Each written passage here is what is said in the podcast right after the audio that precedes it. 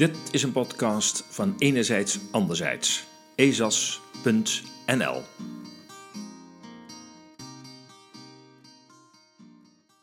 Corona als geloofsartikel.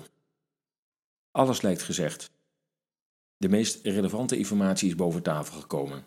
In welke taal je ook naar video's, blogs of alternatieve media zoekt, overal dezelfde informatie die de officiële media amper halen. Dit artikel is eerder geplaatst op 3 oktober 2020. Het is meer dan acht maanden offline geweest, want het bracht me in het maatschappelijke verkeer in de problemen. Nu lees ik het artikel nog eens en denk dan: waarom mocht ik dit toen niet zeggen? En mag dit nu wel? Er is al zoveel aangetoond dat corona helemaal niet zo dodelijk is als steeds is en nog steeds wordt beweerd dat de symptomen als longschade of schade aan de hersenen ook bij andere influenza's voorkomen. Dat ook in de afgelopen jaren diverse malen ziekenhuizen vol lagen met influenza-patiënten. Dat triage in de winter in landen als Italië en zelfs in het rijke Californië, met de slecht georganiseerde gezondheidszorg, geen uitzondering is. We weten dat de gemiddelde stervensleeftijd van mensen die door of met corona sterven niet onder de normale stervensleeftijd ligt dat ook bij vorige influenza-uitbraken jonge mensen ziek konden worden en in een enkel geval konden sterven.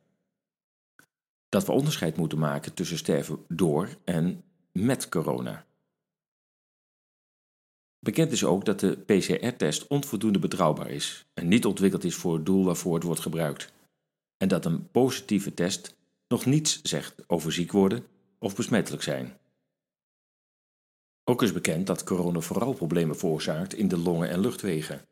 En dat daarmee de mate van luchtvervuiling in een gebied een grote factor is bij de mate waarin corona aanslaat.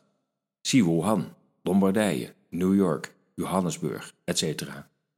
Hoeveel demonstraties moeten nog aantonen dat besmetting in de buitenlucht te verwaarlozen is en dat de anderhalve meter daar volledig de plank mislaat? En dan niet te spreken over de onzin van het dragen van niet werkende mondkapjes. Verplicht bijvoorbeeld op buitendekken van schepen varend naar de Waddeneilanden, voorkomend dat je de frisse zilte zeelucht inademt. Of mensen tegenkomen, wandelend in een heerlijk geurend bos, met een mondkapje op. Hoe gek zijn wij geworden? Natuurlijk is het geen complotdenken om de WHO kritisch te bezien als het gaat om wie op dit internationale instituut met veel geld invloed uitoefent. Het is evenmin complotdenken dat Bill Gates reusachtige zakelijke belangen heeft in de vaccin-industrie en de dataverwerking van persoonsgegevens. En wie is zich niet bewust van het feit dat een vaccin dat binnen 1 tot 1,5 jaar op de markt moet komen niet veilig kan zijn als het record van ontwikkeldheid van een veilig vaccin nu staat op 5 jaar? Daarvoor hoef je geen antivaxer te zijn. Hoeveel bewijs moet er nog geleverd worden dat op deelaspecten de coronacrisis is voorbereid? Hoe vaak moeten mensen nog websites van de Rockefeller Foundation de Wereldbank, Event 201, ID 2020 of het World Economic Forum bezoeken om erachter te komen dat het om meer dan een viruscrisis gaat. Hoe vaak moet nog verteld worden dat schade, sociaal, maatschappelijk, economisch en voor onze gezondheid van de coronamaatregelen vele malen groter zijn dan het leed dat ze moeten voorkomen? Hoeveel mensen moeten in onze landen nog sterven omdat ze door de coronapaniek niet de medische zorg krijgen die ze zo hard nodig hebben, of uit wanhoop zelfmoord plegen. Hoeveel mensen in arme landen moeten nog van de honger sterven omdat de distributiekanalen door alle maatregelen zijn onderbroken? Hoeveel artsen, wetenschapsinstituten, virologen, wetenschappers uit andere disciplines moeten hun reputatie op het spel zetten om een gefundeerd tegengeluid te laten horen? Hoe lang houden de media het paniekzaaien het eenzijdig informeren, het negeren en neersabelen van andere meningen nog vol? Hoe lang blijven mensen nog op social media zitten die aan steeds strengere censuur worden onderworpen? Corona is aangekomen op het niveau van het geloof. Een geloof stel je niet ter discussie. Je gelooft of je gelooft niet. Half geloven is geen optie. Voor mij zijn alle argumenten gewisseld. In alle toonaarden, alle talen, op video, op blogs, in rapporten, brandbrieven. Wat meer kan posten van steeds dezelfde argumenten nog bijdragen.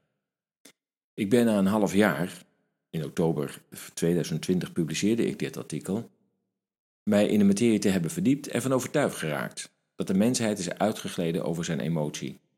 Door belangen aangestuurde manipulatie en angst, politiek opportunisme, onwetendheid, naïef vertrouwen in de instituties, zijn angst om een afwijkende mening te verkondigen en daarmee heeft meegewerkt aan de grootste door de mens veroorzaakte naoorlogse humanitaire crisis.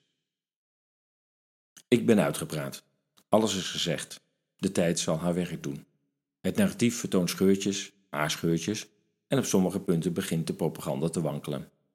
Er is hoop. Het onvoorstelbare gebeurde ooit toch.